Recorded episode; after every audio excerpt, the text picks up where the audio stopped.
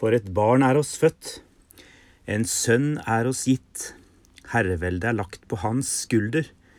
Han har fått navnet Underfull rådgiver, Veldig Gud, Evig Far, Fredsfyrste. Så skal herreveldet være stort og freden uten ende over Davids trone og hans kongerike. Slik står det i Jesaja kapittel 9. Kjært barn har mange navn, sier vi. Han som Israel ventet på, ble tillagt mange navn. Han vi kristne tror kom som menneskebarnet Jesus. De mange kallenavnene er som biter i et puslespill, tenker jeg.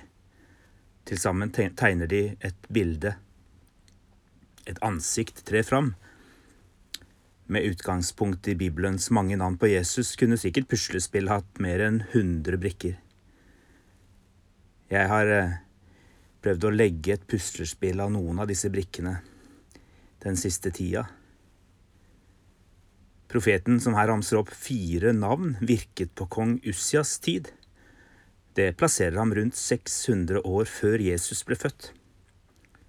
I noen kapitler før dette navnedrysset finner vi profeten Jesaja i tempelet. Der får han et mektig syn av Gud den allmektige på sin trone.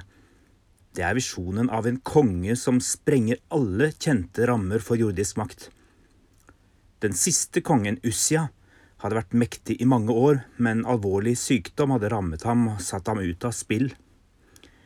De siste årene må hele nasjonen ha blitt minnet om hvor skjør og forgjengelig menneskelig makt er. Guds kongevelde er annerledes på alle måter. Det er fylt av forunderlige kontraster, som når Jesaja her en tid etterpå foregriper begivenhetenes gang. Gud, den egentlige kongen, skal gi seg til kjenne som et lite barn midt iblant oss.